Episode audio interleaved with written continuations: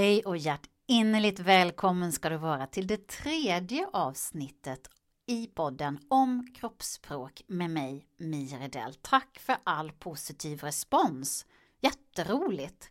Eh, och det här avsnittet kommer också handla om någonting som är jätteroligt, tycker jag i alla fall. Och det är lögner.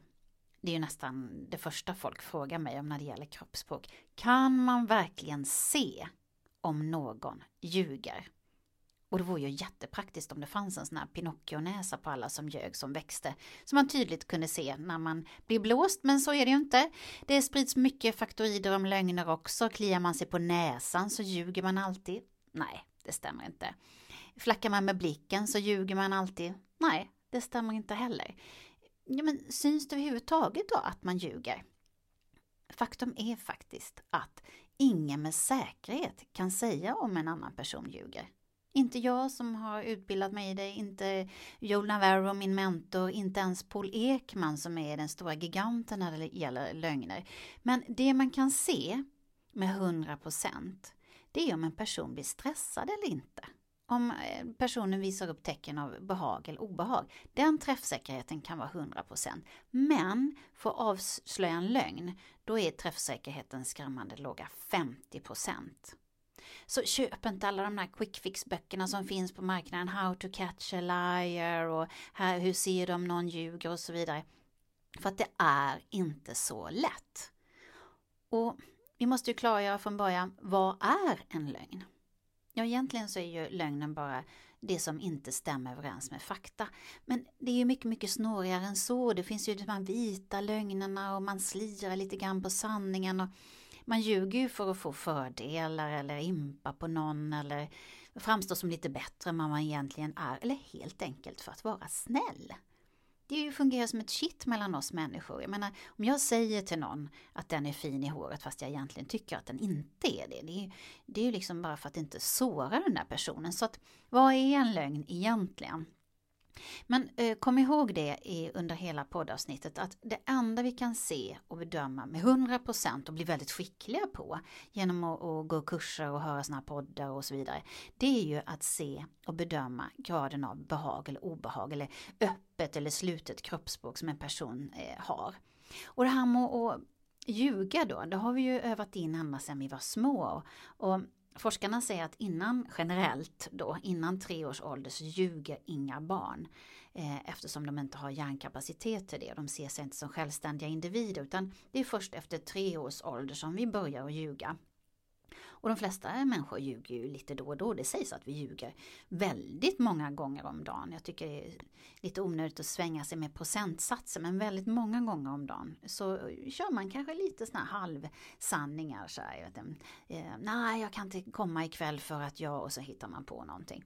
Eh, men den som ljuger helt utan att visa sådana här stresstecken, det är ju psykopater och det, det, gör det ju väldigt lurigt. Ehm, de kan ju ljuga utan att visa minsta tecken på stress eller obehag. Och tyvärr så tillhör de här kriminella och farliga personerna just den kategorin, alltså psykopater, vilket gör svårare för oss medmänniskor att bedöma eh, bedöma dem och även poliser och andra myndigheter har ju också svårt att bedöma eh, psykopater. Man kan ju ställa dem inför sådana här polygrafer det som i vardagligt tal kallas lögndetektorer, vilket är helt konstigt eftersom man kan inte mäta eh, graden av lögn. Det man mäter är graden av stress. Inte, det kan inte heta lögndetektor utan det heter polygrafer, så har vi fastslagit det också. Eh, och går det överhuvudtaget att mäta det här? Ja, men man mäter ju då hjärtfrekvens och, och, och eh, man kan ju se om personerna eh, visar tecken, eh, stressreaktioner när man ställer en viss sorts frågor. Men de här maskinerna kan ju aldrig bli en objektiv analys om någon ljuger eller inte, utan det resultatet som visar är ju inte faktiska svar på lögn utan de visar att de här frågorna har förorsakat någon stress eller obehag eller någonting som eh, går bortom den här personens normalbild. Och så är det ju inte alls i amerikanska eh, filmer och så utan då sätter man folk inför en polygraf och sen bedömer man den, den här grafen går upp och ner och sen så dömer man personen, aha, du är en lögnare. Nej, det fungerar inte så i verkligheten. Eh, och jag menar, skulle jag sättas inför en sån här polygraf, jag menar jag skulle visa alla stresstecken, bara att bli satt i en sån här skulle ju vara obehagligt. Jag menar, eh, stannar en polis mig på gatan, jag menar jag blir ju jättestressad, eller man kör bil, jag menar, då visar jag ju alla stressreaktioner som finns. Men jag är ju inte skyldig för det, jag har ju kört mina laglydiga 80, eller vad det nu är. Så att eh, Nej, då vet du det. Att det heter inte lögndetektor, det heter polygraf och man kan inte mäta eh, lögnen utan man mäter graden av stress. Nästa intressanta ämne är mikrouttryck. Vad är det?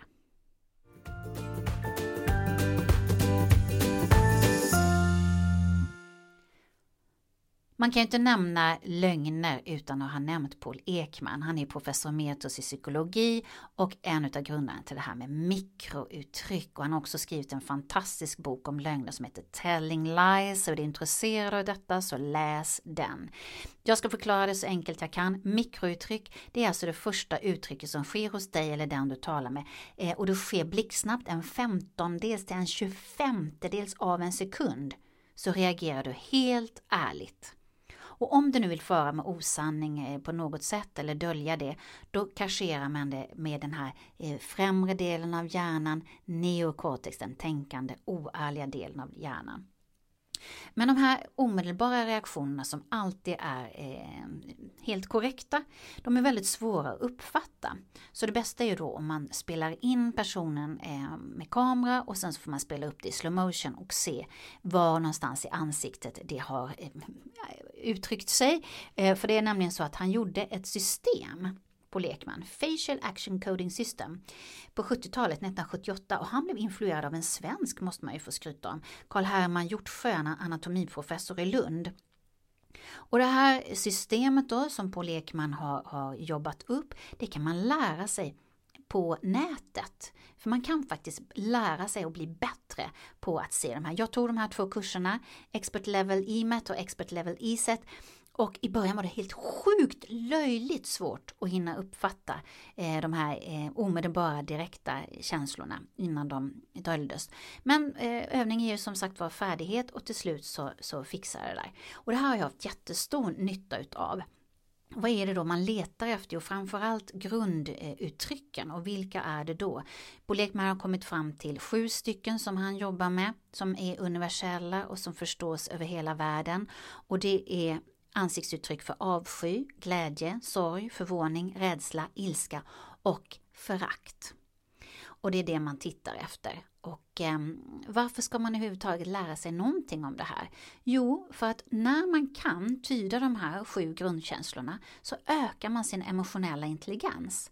Och så utvecklar man sin förmåga att känna empati. Och det behövs ju idag om någonting. För att vet ni att empatin har sjunkit hos oss nu med 40 procent, säger forskarna. Så att det behöver man bli bättre på. Eh, så att eh, Paul Ekman har även skrivit en bok ihop med Dalai Lama och, och um, emotional awareness och sådär. Så han pratar mycket om det här med empati. Så sök på Paul Ekman om du vill lära dig mer utav det här. Och eh, glöm inte telling lies. Tillbaka till lögnen. Hur är det då med Jonah Navarro, min mentor? Hur ser han på det här med lögnen?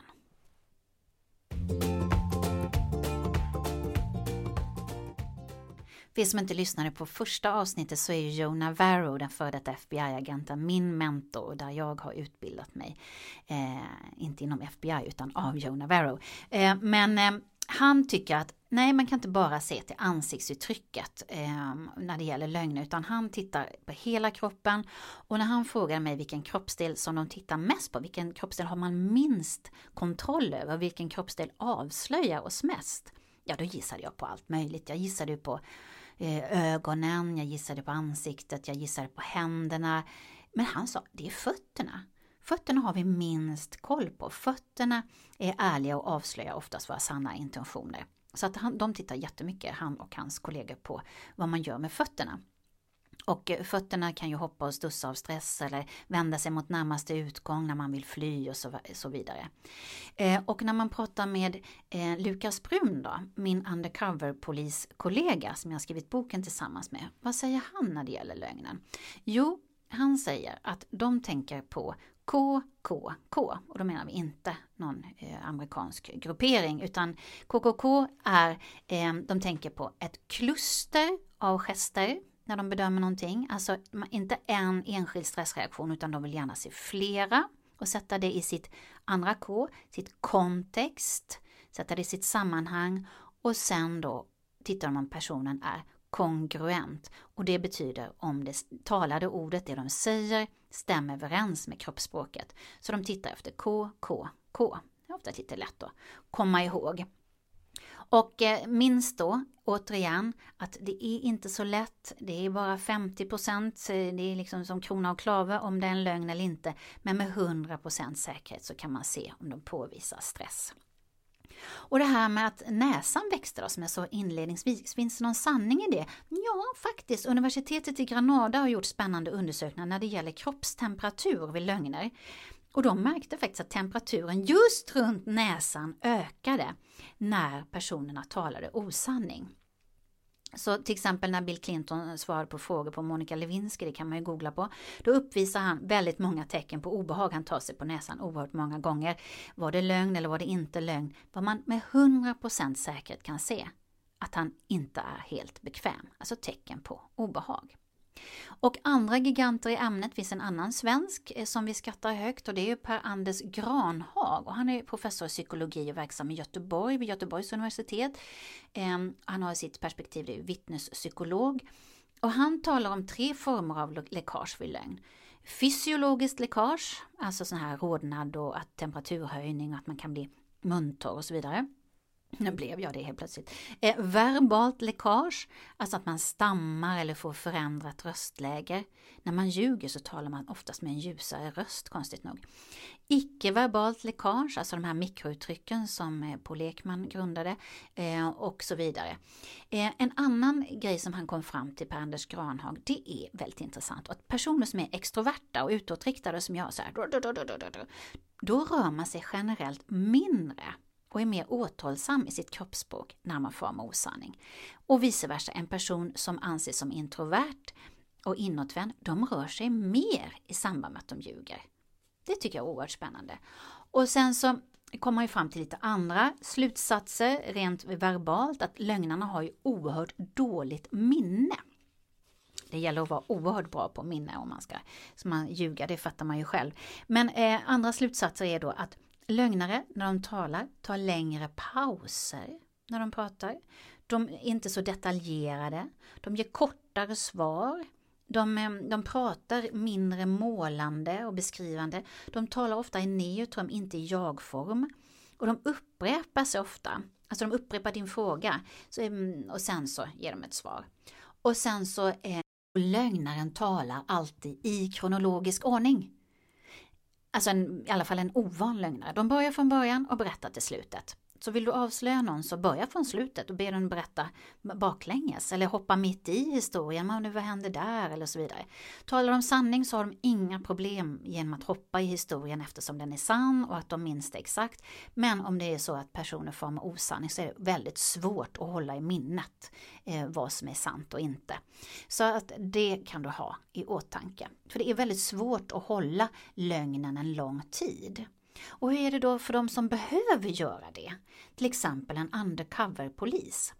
Jo, då säger Lukas Bruni att då gör de ju sig en legend, de gör sig en bakgrundshistoria och den, det är som på filmer faktiskt, att den måste man kunna exakt och exakt eh, namnteckning, den nya och att man har exakta kläder som överensstämmer med den sortens eh, personer man ska föreställa eh, att man har eh, rätt attribut, rätt frisyr, att man eh, har rätt uttryck som man säger, att man vet exakt var man bor, har bott, eh, kompisar eller vilken fängelse man har suttit på om man nu ska låtsas som man har suttit på fängelse och så vidare.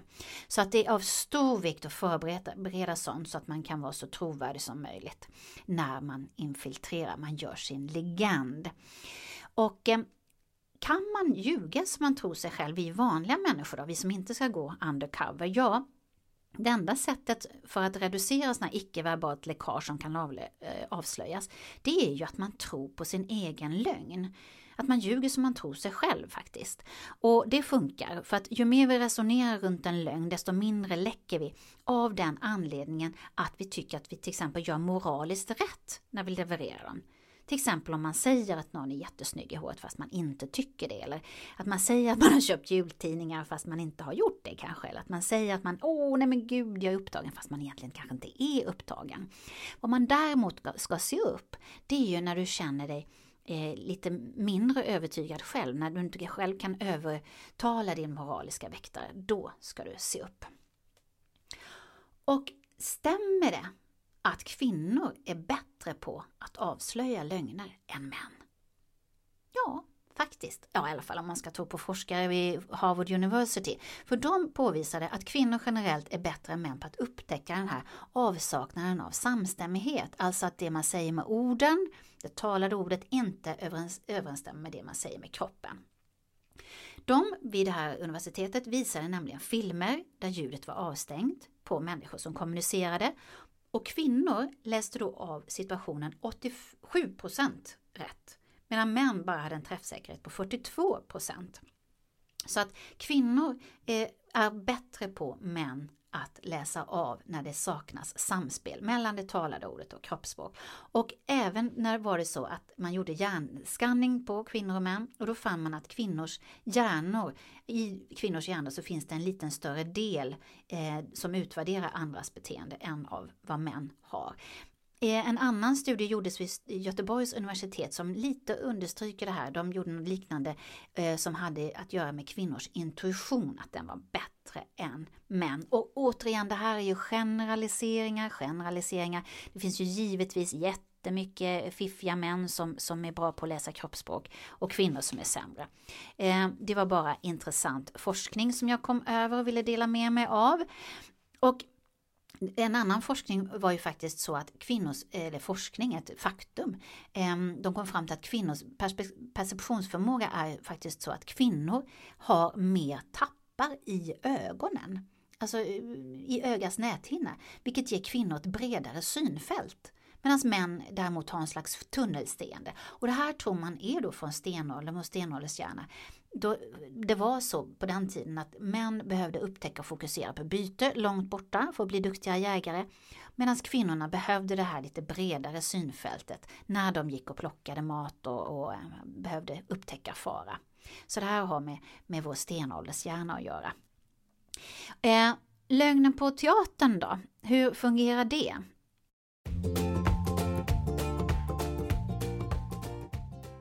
Ja, hur vi gör på teatern när det gäller med det här med lögner, det är ju faktiskt att vi inte håller på med lögner, utan vi håller på med trovärdighet och äkthet. Det är så dumt när folk säger ja ah, men du Mi, du måste ju vara jättebra på att ljuga, du som är skådespelare. Nej, jag är alltså urdålig på att ljuga. Alltså man kan se direkt på mig när jag försöker ljuga. Jag är väldigt lätt att läsa. Eh, men på teatern gör vi inte så att vi ljuger utan försöker vara så trovärdiga som möjligt. Så vi gör precis som undercoverpolisen, Vi gör en historia, man vet exakt var man kommer ifrån och vart man är på väg och så vidare.